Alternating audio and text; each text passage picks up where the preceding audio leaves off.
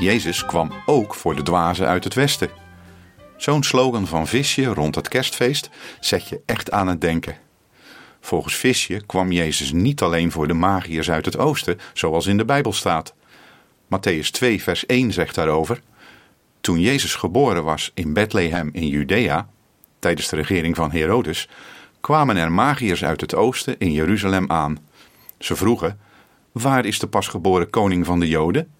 Wij hebben namelijk zijn ster zien opgaan en zijn gekomen om hem eer te bewijzen. Nee, Visje zegt dat Jezus ook voor de mensen in het Westen kwam. Ze noemt ze dwazen, omdat de mensen in het Westen God massaal de rug hebben toegekeerd. Maar Jezus wil ons Westelingen nog steeds omarmen.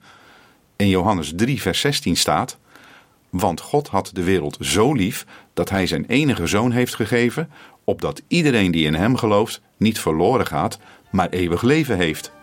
Wat een heerlijk nieuws is dat voor de dwazen uit het Westen.